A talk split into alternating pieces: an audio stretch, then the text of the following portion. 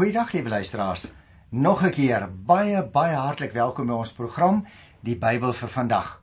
Mense wat dalk vir die eerste keer inskakel, uh, kan voortaan onthou ons is besig om die Bybel deur te werk van Genesis af so die Here wil tot die einde van Openbaring. Ons doen gewoonlik so partykeer 'n Ou Testament boek, partykeer doen ons selfs 2 of 3 afhangende hoe lank of kort die boeke is en dan 'n boek in die Nuwe Testament omdat die Nuwe Testament minder boeke het, nê? Net 27 terwyl die Ou Testament 39 boeke het. So terwille van die afwisseling wissel ons so tussen Ou en Nuwe Testament. Op hierdie stadium is ons besig met die boek Rut. Nou vir diegene wat miskien nou nie van tevore na ons programme geluister het nie, wil ek so 'n bietjie inligting gee. Die ouens wat geluister het, sal weet ek gaan nou ook vir julle 'n bietjie ander inligting gee wat ek nie van tevore al genoem het nie. Maar uh Die volgende is byvoorbeeld al gesê van hierdie boekie Rut, is een van die kortste boeke in die Ou Testament. Daar is al gesê die boek Rut verskaf aan ons 'n een eenvoudige verhaal van huislike lewe. Soos dit hier gebeur het en selfs oor en oor gebeur in hierdie wêreld die bekende storie van 'n dogter se toegeneentheid en 'n jong vrou se geluk.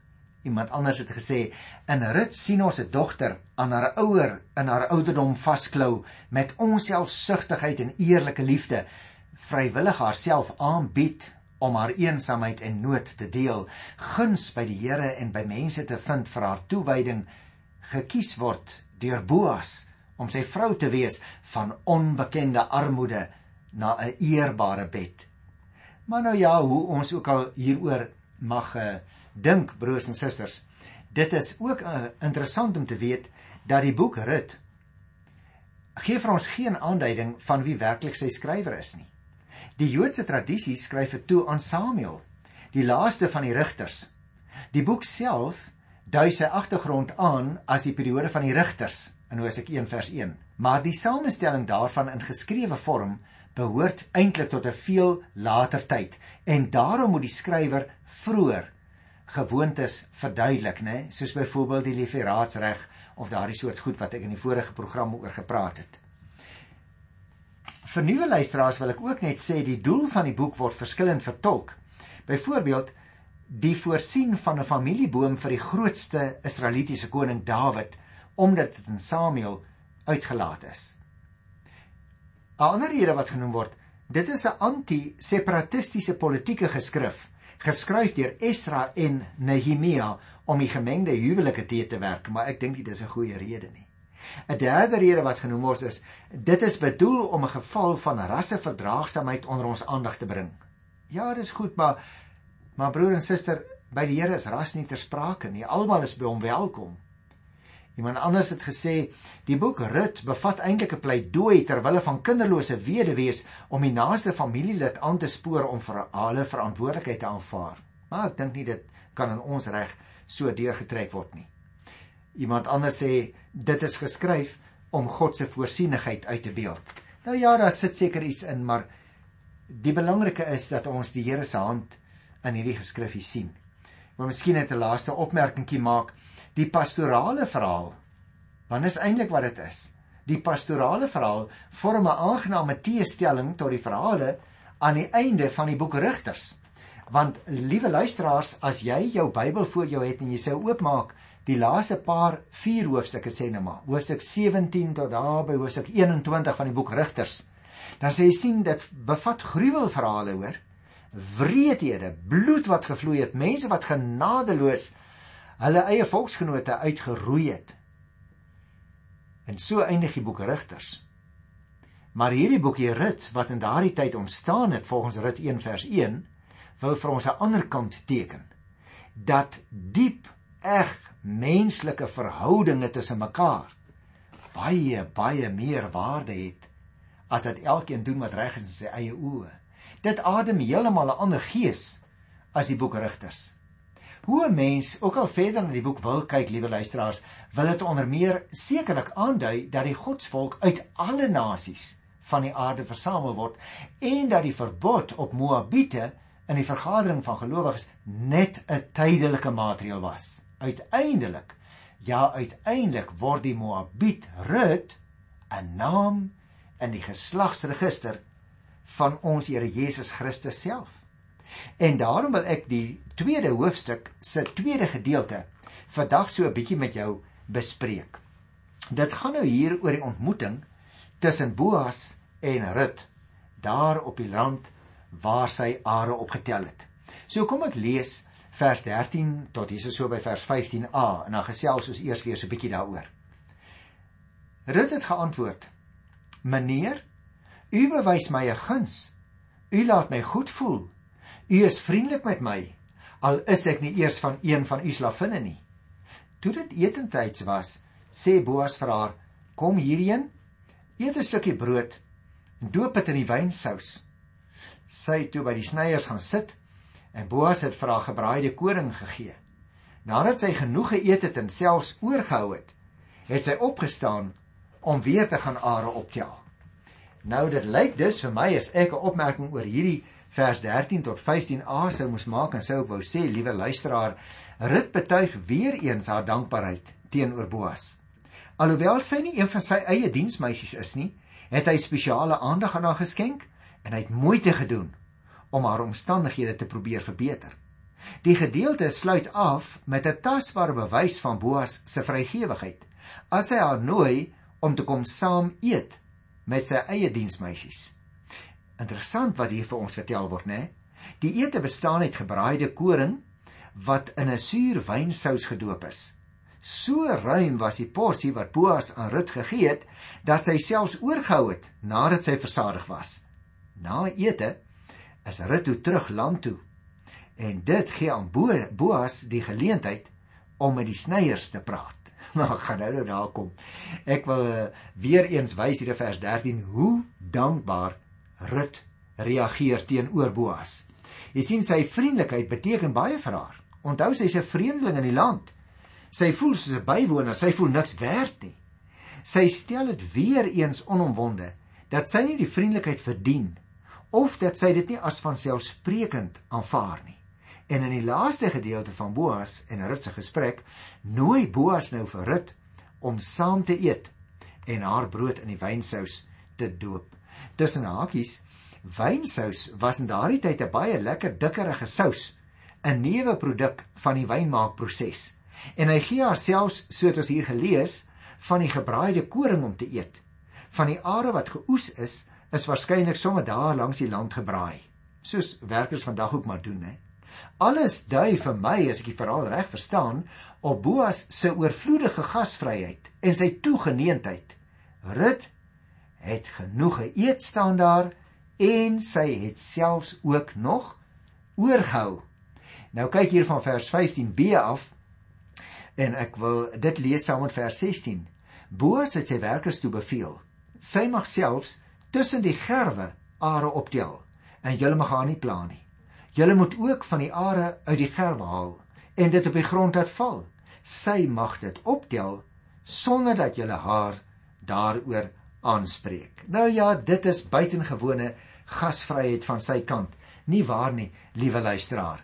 Die toegewing wat Rut van die voorman gevra het om ook tussen die gerwe are te mag optel, word nou deur Boas as 'n opdrag aan sy snyers gegee. Hy gaan egter nog verder.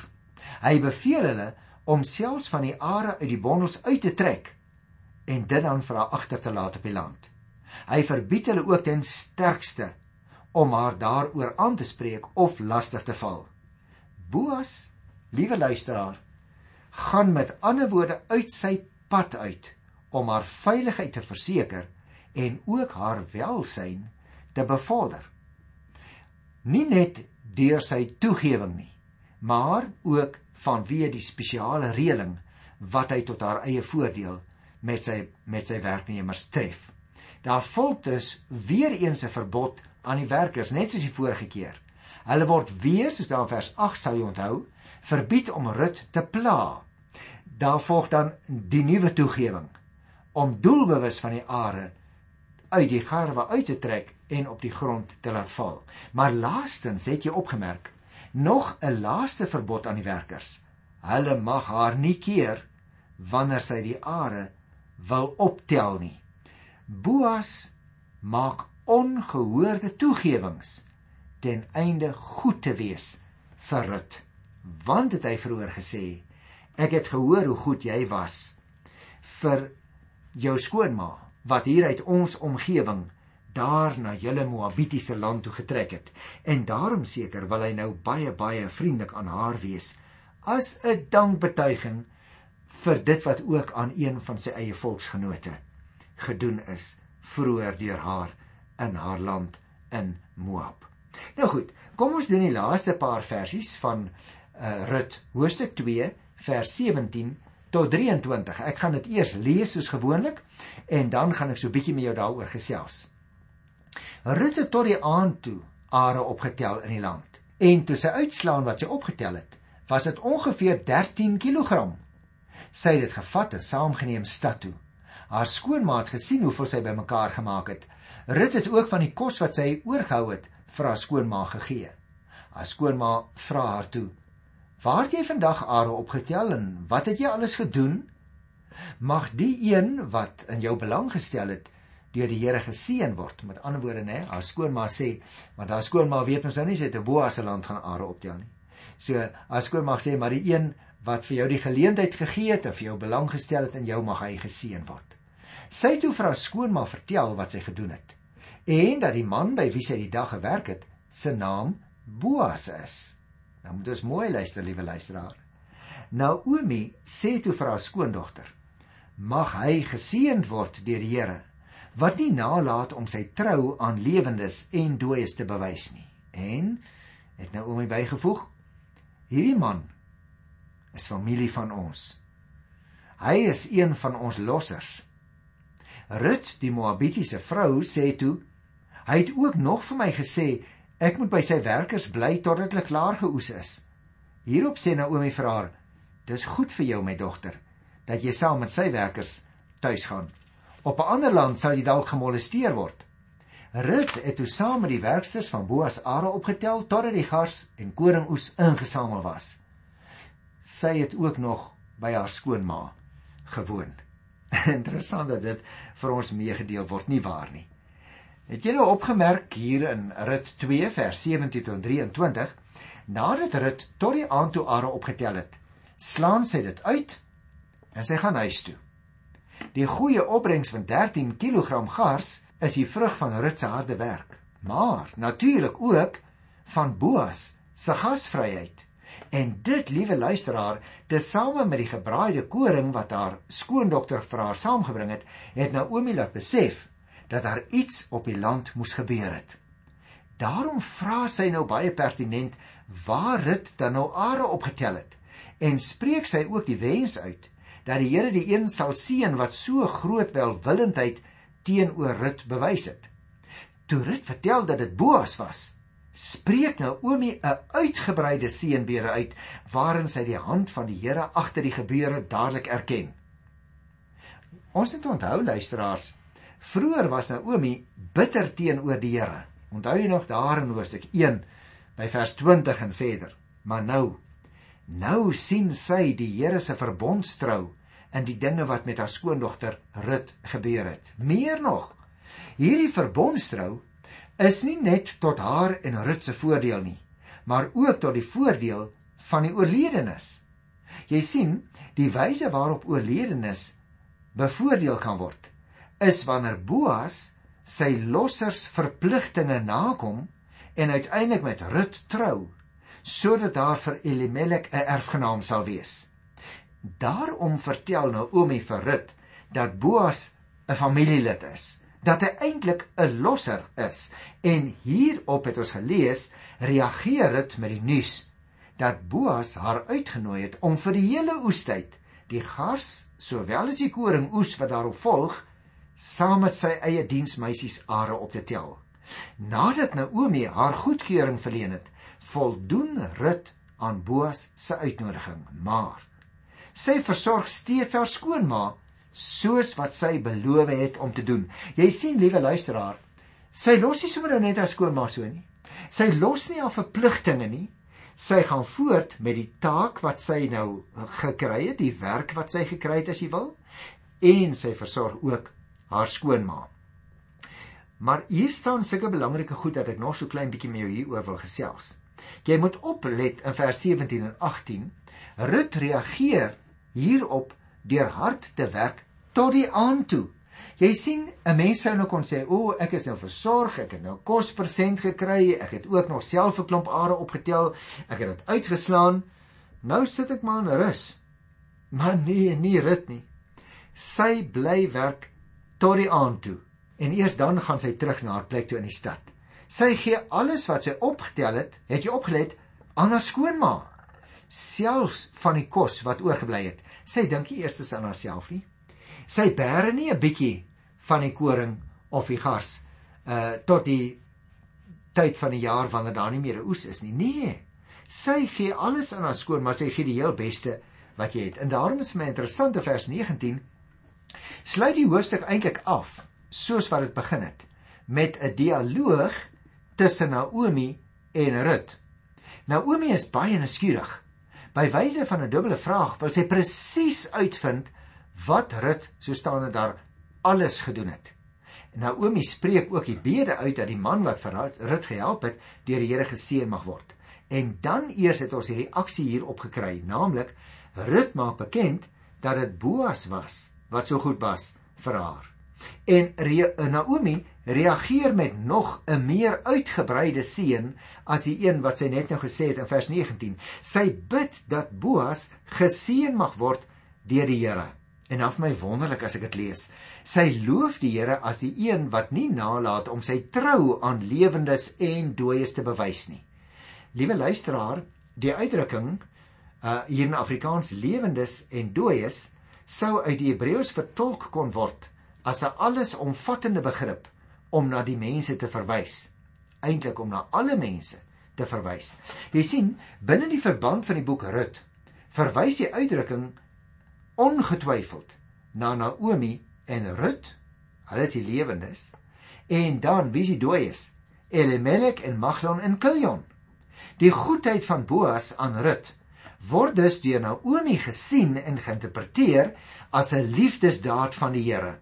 Boas word hier ook beskrywe as die as een van die lossers. Nou jy onthou nog, losser is 'n tipiese begrip uit 'n familiereg.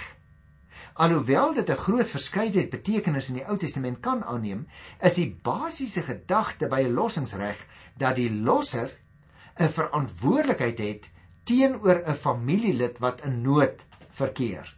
Die losser is naamlik kragtens die bloedband as 'n ware verplig om sy familielid los te koop uit die noodsituasie waarin hy of sy verkeer. Wat nou Oomie vir Rut sê, is dus dat Boas 'n familielid van hulle is en dat hy daarvolgens 'n sekere verantwoordelikheid teenoor hulle het. En Rut het dit natuurlik nie eers geweet nie. Tog Tog ontstaan hier ook 'n element van onsekerheid wanneer gesê word dat Boas een van die lossers is. Met ander woorde, sy wil terselfdertyd vir Rut waarsku en sê, hoorie, jy moenie te opgewonde raak nie. Jy moenie voor die tyd bly raak nie. Ons het 'n groot familie waaruit ek kom. Daar's ook ander lossers. Hierdie Boas is eintlik maar net een van die lossers. Hy is nie die losser nie.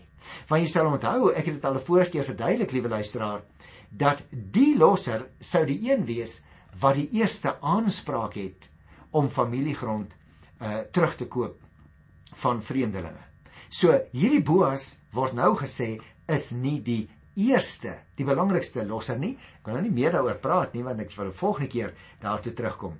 Hierdie element van onsekerheid word verder gevoer in die hele derde hoofstuk wat ek volgende keer gaan behandel en dit sal uiteindelik 'n hoogtepunt bereik in hoofstuk 4 waar Boas met die eintlike losser moet onderhandel maar ek wil nie nou al die aap uit die mou laat nie. En dan uh, hierdie vers 21 en 22 wat ons gelees het, dink ek is ook interessant, né? Want daar het intussen 'n radikale gesindheidsverandering by Naomi plaasgevind. Jy sal onthou. In hoofstuk 1 by vers 13 en ook vers 20 tot 21 het sy die Here verwyd vir die krisis waarin sy verkeer. Maar hier, liewe luisteraar, moet jy opmerk, maak haar bitterheid eintlik plek vir dankbare erkenklikheid teenoor die Here. Kom ek sê dit anders. Naomi aanvaar Rut se optrede met instemming. Sy sê dit is goed dat jy op Boas se land werk, my dogter, want dit sal voorkom natuurlik dat sy gemolesteer word. So ons moenie dink dit is net in ons tyd, liewe luisteraar, dat alleenlopende vrouens of enkel vrouens gemolesteer word nie. Daar was destyds ook al hierdie groot gevaar vir vrouens in daardie tyd. Die 23ste vers, die laaste van Hosea 2, het daarop gewys dat die hele hoofstuk saamgevat moet word. Ek wil dit net weer vir jou lees want onthou, uh Hosea 2 vorm eintlik die tweede groot deel van die boek Rut. En dit word so saamgevat in vers 23. Rut het toe saam met die werksters van Boas are opgetel totdat die gars en die koringoes ingesamel was. Sy het nog by haar skoonma gewoon. Jy sien hierdie vers vat die hele hoofstuk saam deur te sê dat Naomi nog steeds goed vir Rut versorg het. Dit word egter duidelik gestel dat Rut nog by haar skoonma gewoon het. Hoekom? Dis eintlik lyk dit vir my 'n oorgangsvers na wat ons volgende keer in Hosea 3 gaan behandel. Want jy sien, Hosea 3 handel juis oor die feit dat Naomi alles in werking gestel het om te verseker dat Rut 'n permanente heenkome sal vind. Dit blyk dus uit hierdie vers dat daardie moontlikheid nou op die voorgrond kom. Nou liewe luisteraar, Ek dink as 'n mens dus die hele verhaal soos wat ons dit tot nou toe gedoen het in die boek Rut in oënskou neem, dan moet 'n mens dink ek dadelik die agtergrond van die hele situasie in gedagte hou. Die boek Rut is soos die Josef en die Ester verhale 'n wat ons gewoonlik noem 'n novelle.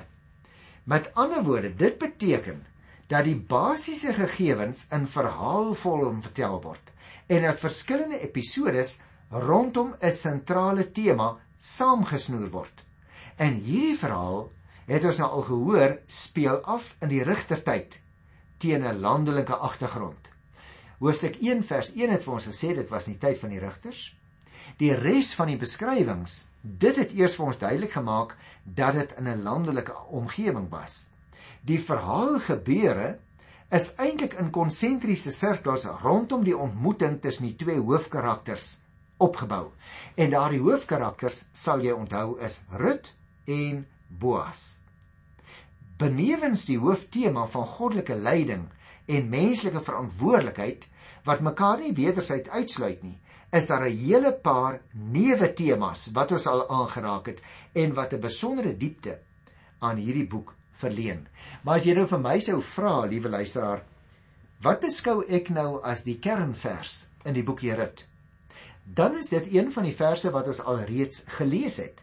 Maar ek het dit nie toe al uitgewys as 'n kernvers nie, bloot omdat ons toe nog nie die verhaal self in die Bybel gedoen het nie. Ek wil vir jou Hosea 1 vers 16 lees. Miskien sal jy saamstem dit is 'n kernvers.